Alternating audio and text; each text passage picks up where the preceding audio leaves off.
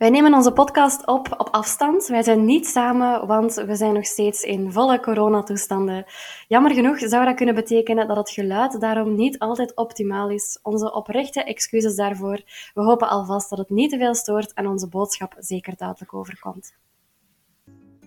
Dit is Averechts, een podcast voor en door millennials met een eeuwige zoektocht naar groei en zelfontwikkeling. En dat met een eigenwijze draai. Ik ben Stefanie, multi-passionate ondernemer met een lichte Instagram-verslaving. Ik maak boodschaplijstjes per winkel gebaseerd op een layout. En ik ben basically Monica van Friends, maar dan met een bullet journal. En ik ben Heri, HR-worker en trainer. En ik ga naar de winkel voor boodschappen, maar kom dan buiten met een rokje en een nieuw theeservies. Chaos, wilde ideeën en het deuntje van de dag besturen mijn brein. Maar at the end of the day, I get it all done. Hoe we doen wat we doen? Wel, op onze eigen averechtse manier natuurlijk. Welkom bij Averechts de podcast. Goedemorgen. Allee, voor ons is het toch een goeiemorgen, maar uh, we nemen vandaag onze eerste echte aflevering op. Ha, Stefanie, ik ben er echt helemaal klaar voor. Ik heb deze ochtend mijn 7-minute workout gedaan. Ik heb mijn koffieke er hierbij. Ik heb al een podcastje geluisterd. Trouwens, wij zijn super benieuwd van waar dat jij aan het luisteren bent. Dus deel gerust een foto of een screenshot in uw stories en tag ons op avrechts.depodcast. En vertel een keer, Stefanie, van waar zit je aan het luisteren? Heb jij ochtend goed gestart? Ik heb mijn ochtend goed gestart. Ik ben uh, wakker geworden met de kat die probeerde de slaapkamer in te dringen. En dan heb ik op het gemakske een wandelingsje gemaakt bij ons op Torp zonnebrilletje aan, podcast geluisterd terwijl ik aan het wandelen was. En dan uh, koffie gemaakt en uh, ja, mij geïnstalleerd in onze tijdelijke podcaststudio, also known as de praktijk van mijn lief. Dus ja, best wel goed begonnen hè, deze ochtend. Dat klinkt alleszins al heel goed, Stefanie. We hebben elk zo onze routine zeker om onze ochtend goed te beginnen. En ik denk in het weekend is dat even belangrijk als in de week. Ja, ik denk dat ook echt wel. Ik hoor dat zo vaak als ik dat zeg, van zo ochtendroutines of avondroutines, van dat is toch pokken saai als je dat doet, zo al die voorspelbaarheid. Maar ik vind dat eigenlijk net niet. En of dat dan nu in de week is of in het weekend, ja, ik vind dat dat wel iets is dat zo rust in je hoofd geeft. En daarom dachten we ook van uh, routines, dat dat wel iets goed was om in onze eerste aflevering een keer te gaan uh, over praten.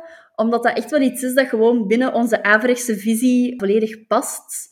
Want als je routines niet goed gaan zitten, dan gaat het eigenlijk gewoon veel moeilijker gaan zijn om de rest van je dag op gang te krijgen, maar ook om af te sluiten. Ik ben zelf een heel moeilijke slaper, een heel rusteloze persoon. En zo een avondroutine, dat is iets dat mij daar in de afgelopen jaren wel heeft bij geholpen. Dus ik ben er echt van overtuigd, een keer dat je routines goed zitten en echt een routine zijn, dan gaan andere dingen ook veel vlotter en vanzelf gaan.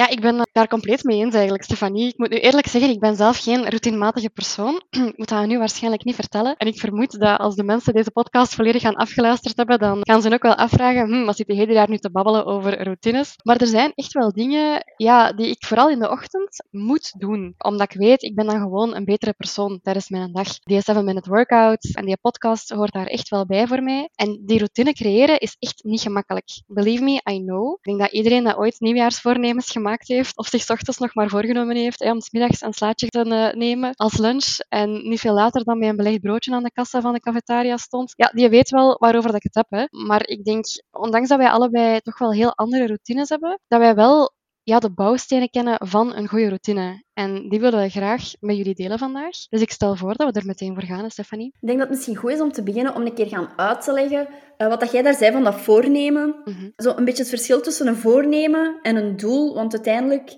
routines, dat heeft te maken met doelgericht werken. Dat is iets waar we straks gaan op terugkomen. En voor mij, een goed voornemen, dat is zoiets dat in de lucht hangt en dat er is, maar je maakt het niet concreet, waardoor het inderdaad in de lucht blijft hangen en dat je dus daar toch gaat staan met dat belegd broodje en een cola in plaats van met je slaatje en je water. Exact. Terwijl zo'n routine en een doel, dat is iets waarover dat je hebt nagedacht, daar zit power achter en dat is, gelijk dat Hedy zei, met verschillende bouwstenen, waardoor dat je daar gaat aan werken. En ook een routine, dat is niet gemakkelijk om te bouwen en dat is er ook niet zomaar.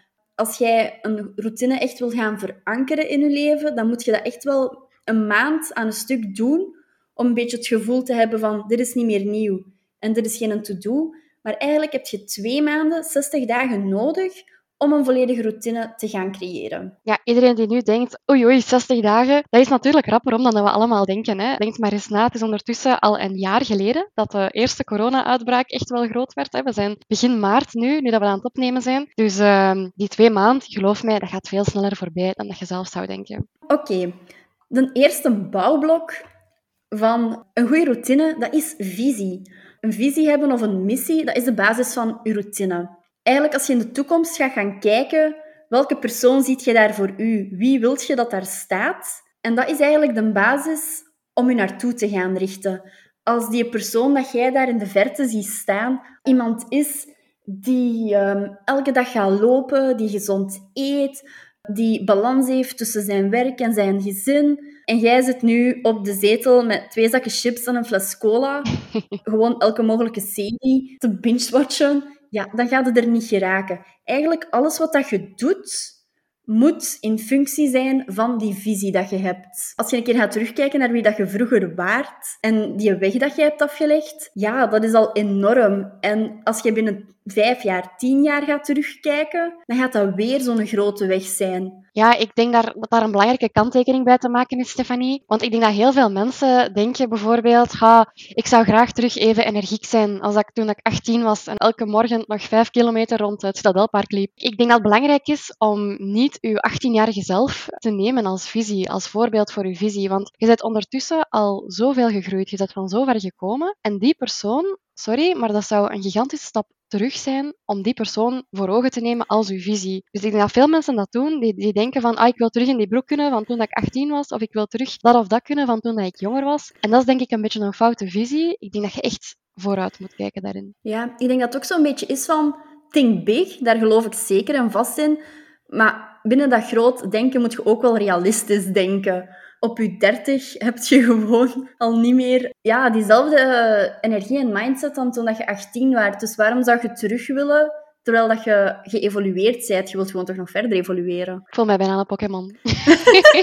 maar ik snap u volledig. Je hebt echt groot gelijk. En ja, ik denk, een persoonlijke visie kan bijvoorbeeld zijn, ik wil een persoon zijn dat gezond eet, regelmatig sport en daardoor barst van energie, hè, bijvoorbeeld. Ik denk dat het belangrijk is dat je dat dan ook wel echt gaat visualiseren. Dat je het echt voor je ziet. Voor mij, ik vind dat moeilijk. Ik vind dat moeilijk om mijzelf terug te zien als iemand die mega hyped graag sport, omdat ik dat toch wel ook al even niet meer heel intensief gedaan heb. Dus voor mij is bijvoorbeeld een moodboard in een bullet journal of een Pinterest-bord of op Canva bijvoorbeeld ook een tool waar dat ik heel graag mee werk. We gaan zeker ook linken in de show notes. Maar dat zijn echt pagina's waar dat ik moodboards op maak bijvoorbeeld, van personen die mij inspireren of receptjes bijhouden, leuke workouts bijhouden. En ik kan daar echt zo ver in gaan als ik zelf wil ook. Ik kan echt geïnspireerd worden al door een leuke nieuwe sportoutfit of, of dingen voor mijn home gym. Ik ben heel blessed met mijn home gym, ook al gebruik ik ze te weinig. Maar ik denk echt dat hier het principe is go big or go home, dream big. En visualiseer echt alles op je moodboards. Dat is een hele belangrijke, denk ik. Ja, ik ben ook echt wel fan van moodboards. Ik heb eentje op mijn bureau staan. Ik heb dat ook op eh, het scherm van mijn laptop staan. En daar staat mijn woord van het jaar op.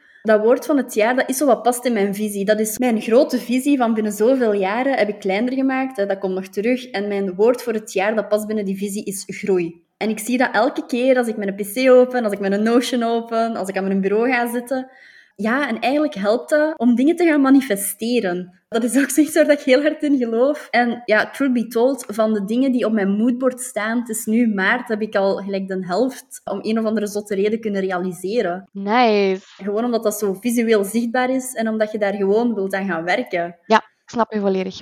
En voor alle mensen die nu aan het denken zijn, moodboard, moodboards. Ik heb ik geen tijd om moodboards te gaan maken. Ik heb druk. Ik heb ik geen tijd om uh, vijf rondjes rond het Citadelpark te gaan lopen. Want ik heb nu eenmaal niet meer zoveel tijd dan toen ik 18 was. We see you, we hear you, and you're wrong. Ik heb geen tijd en ik heb het druk. Dat zijn gewoon lege zinnetjes.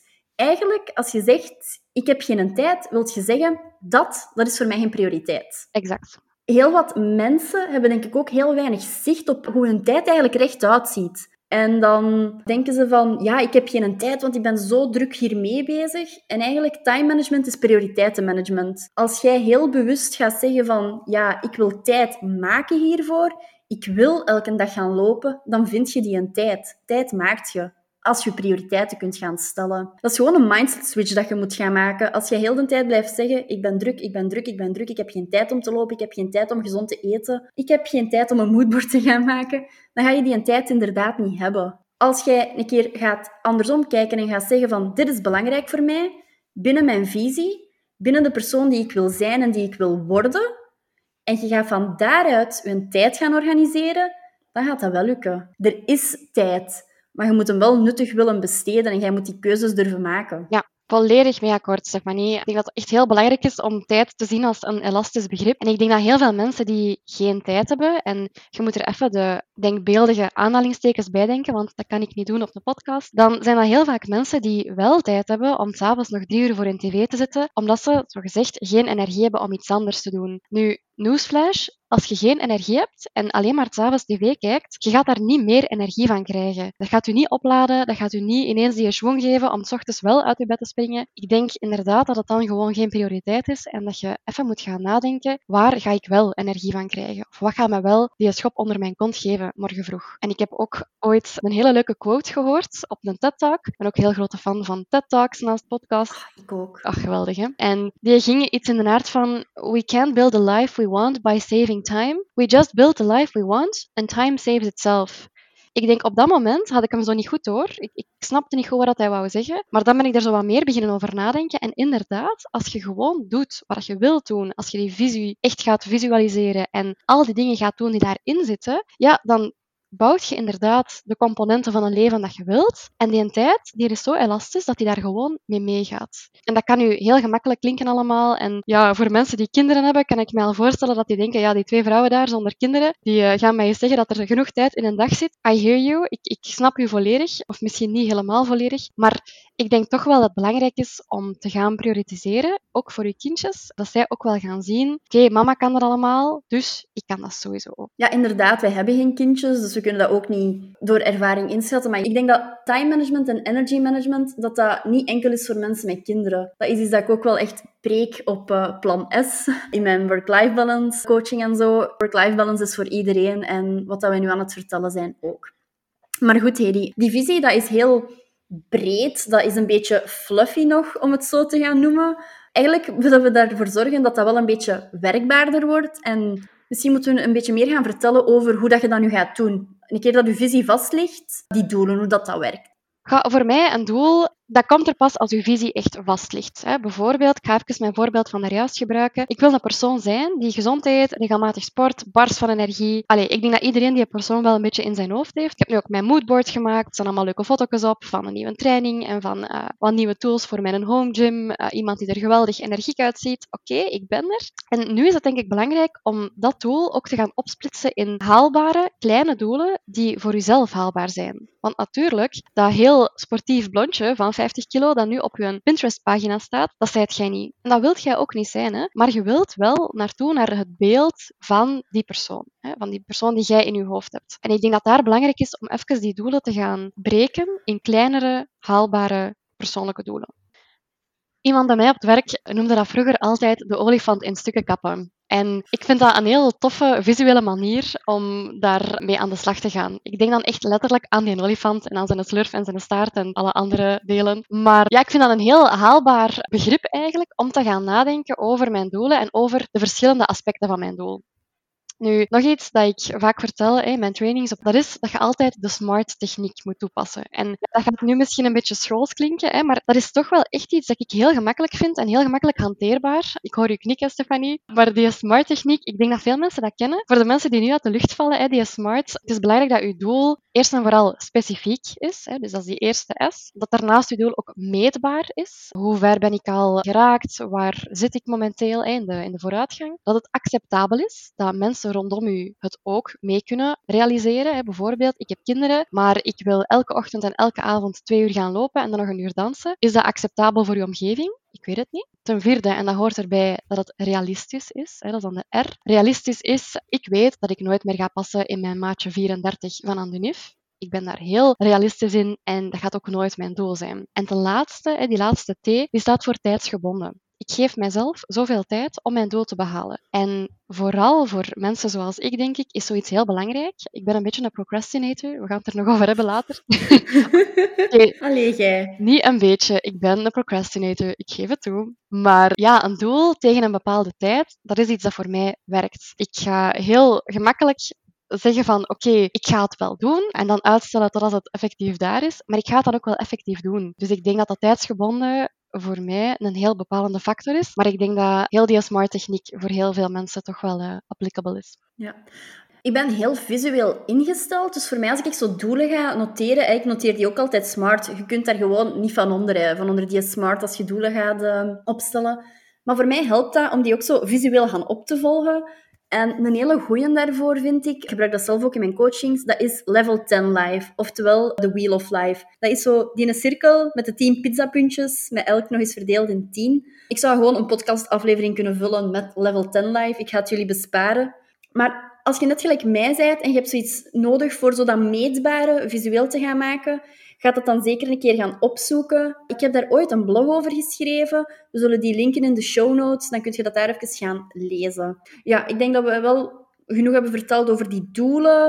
Ik denk dat het heel belangrijk is als je hiermee aan de slag wilt gaan, om dat zelf een keer te gaan proberen. We hebben daarvoor ook een download gemaakt. Die gaat ook in de show notes staan.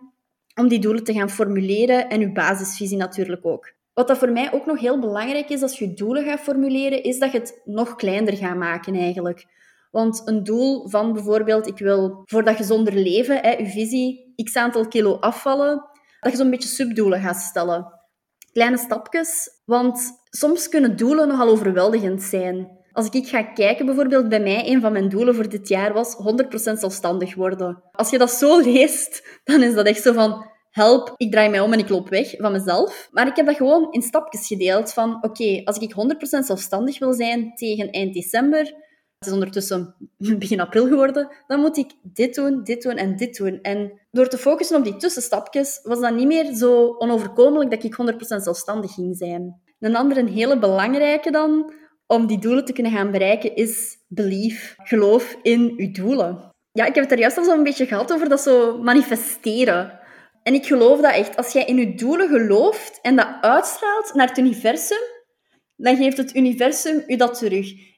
Ja, believe in yourself and you're halfway there. Geloof ik echt wel uh, eh, 100% in. En die een olifant in stukken kappen, is dat we denk ik allemaal wat meer zouden moeten doen. Eén groot doel lijkt zo gigantisch overweldigend, terwijl een klein doeltje, gelijk bijvoorbeeld, ah, ik ga elke woensdag een 7-minute workout doen, ja, dat kan iedereen. Die zeven minuutjes van uw tijd, even workout. Echt beginnen met kleine, haalbare doeltjes kan ik echt wel aan iedereen aanraden. Ja, en erin geloven. Want ja, als jij gewoon... Als je een doel stelt waar dat je op dat moment al zelf niet 100% in gelooft en onzeker over bent...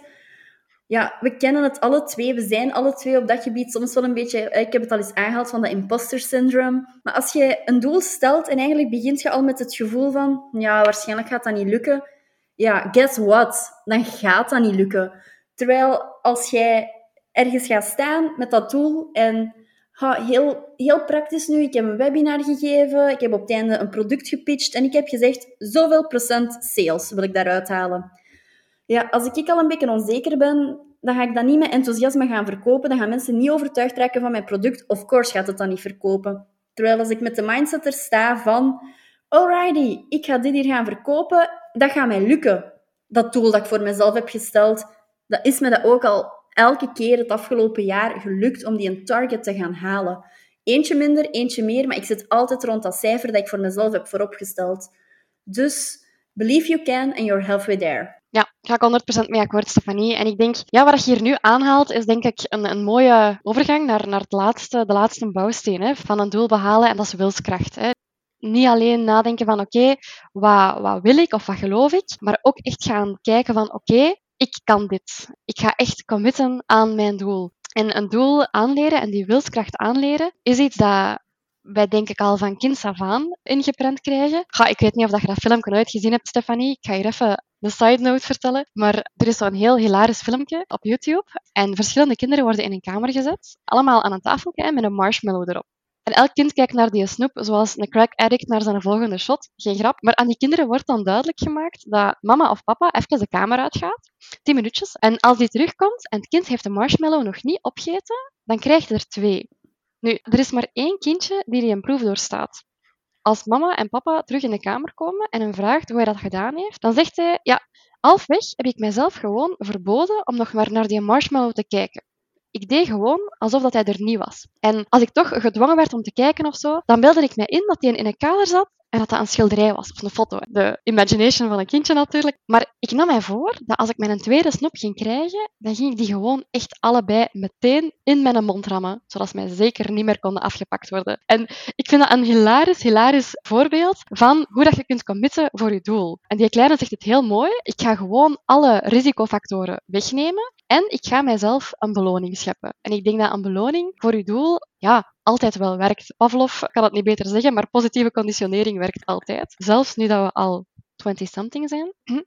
En ik denk, zo'n dingen zijn heel belangrijk ook voor jezelf. Als je meer wilt gaan sporten, als je energieker wilt zijn, leg je legging van s morgens al klaar. Leg hem dus noods naast je bed, zet je sportschoenen ernaast en zeg tegen jezelf, oké, als ik straks gaan lopen ben, dan krijg ik een stukje chocola. Of dan krijg ik een lekker latte. Zeg zomaar iets. Maar ik denk echt wel dat daar ja, de key in zit. Ik weet niet hoe dat jij denkt over, over wilskracht. Ja, een beetje op dezelfde manier. Ik denk inderdaad van, maak het jezelf zo gemakkelijk mogelijk. Door bijvoorbeeld inderdaad, bij mij is dat bijvoorbeeld één keer nadenken en dan doen. Dat is zo'n principe waar ik heel hard achter sta. Bij mij is dat vastgelegd wanneer ik ga sporten. En dat is een non-negotiable. Ik heb ook mijn agenda dan geblokkeerd. Niemand kan iets inplannen op die momenten. En ik denk zo dat belonen, dat werkt ook heel goed. Als ik bijvoorbeeld een groot project moet doen, dan maak ik zo'n een, bingo met alle deeltaken.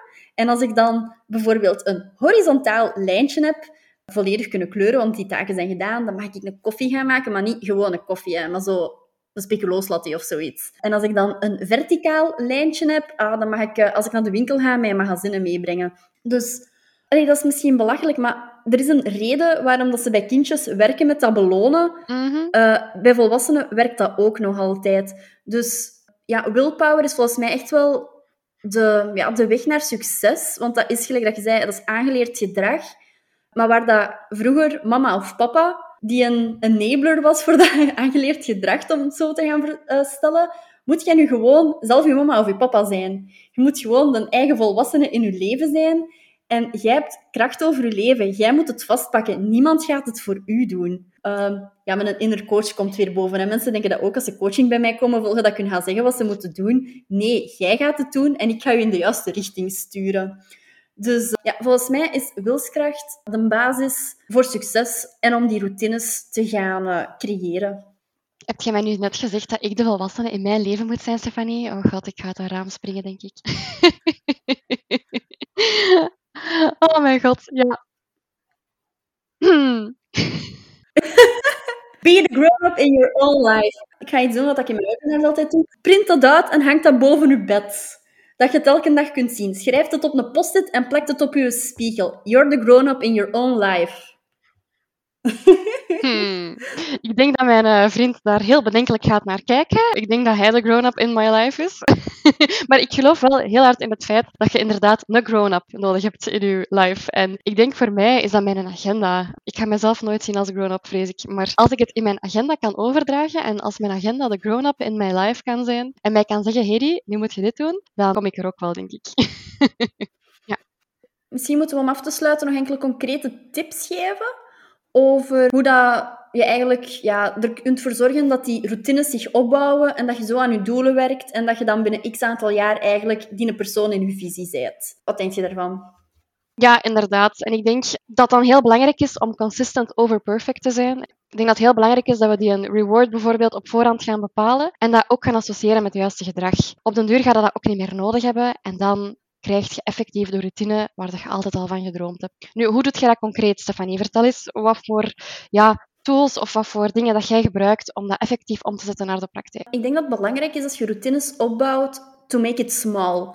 Als jij direct zegt van in mijn routine ga ik elke ochtend 10 kilometer gaan lopen, it ain't gonna work. Maak het klein en bouw stap voor stap op Probeer ook geen tien dingen tegelijk in je routine te gaan implementeren, want dat gaat ook niet werken. Dan ga je gewoon zo'n overwelm krijgen dat je niet meer gaat dingen gaan doen en dat je gewoon terug in je zetel gaat liggen en Netflix gaat kijken. En dat willen we niet. Ik denk dat daarbij ook heel belangrijk is om inderdaad, die consistentie is belangrijk, maar dat wil niet zeggen omdat je een keer dan een dag niet doet, of dat dan een keer een week niet lukt, dat het faalt. Mhm. Eh, ik denk dat heel veel mensen, ik ben ook zo, ik ben ook zwart-wit, maar je moet een beetje leren die grijze zone te gaan vinden. Het is niet omdat je op dieet staat en elke dag wortels aan het eten bent en je eet ene keer chocola, dat je nooit meer wortels gaat eten. En dat je heel je leven enkel chocola gaat eten. Zo zit het leven niet in elkaar. Als dat omgekeerd niet geweldig zijn, dan mocht je nu van één slaatje gewoon het perfecte dreambody krijgen. Stel het u voor.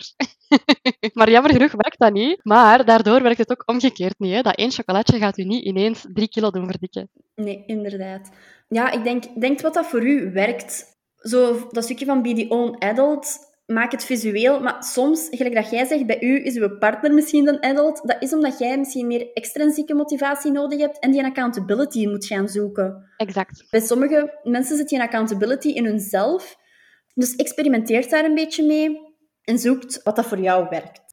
Wil je daar nog iets op aanvullen, Hedy? Ja, misschien wel. Wat je daar zegt is zeker waar. Ik ga mijn motivatie en, en heel veel dingen eigenlijk extrinsiek gaan leggen. Ik ben ook een extravert. Misschien dat dat daar iets mee te maken heeft, ik weet het niet. Maar bijvoorbeeld om te sporten heb ik graag een partner in crime. En dan mag dat echt niet iemand zijn die zelf ook af en toe eens afzegt, want dan ga ik natuurlijk ook niet meer sporten. Maar ja, ik haal mijn energie echt wel uit andere mensen en uit dingen doen met andere mensen. En ja, ik denk dat dat een hele belangrijke is. Vind echt wat dat voor u werkt. Uh, sport jij graag alleen of behaalt jij je doelen graag alleen? Ja, probeer dan ook mensen daar respect voor te laten hebben. Maar zoekt je een partner in crime, zoekt u dan echt wel ook een goeie.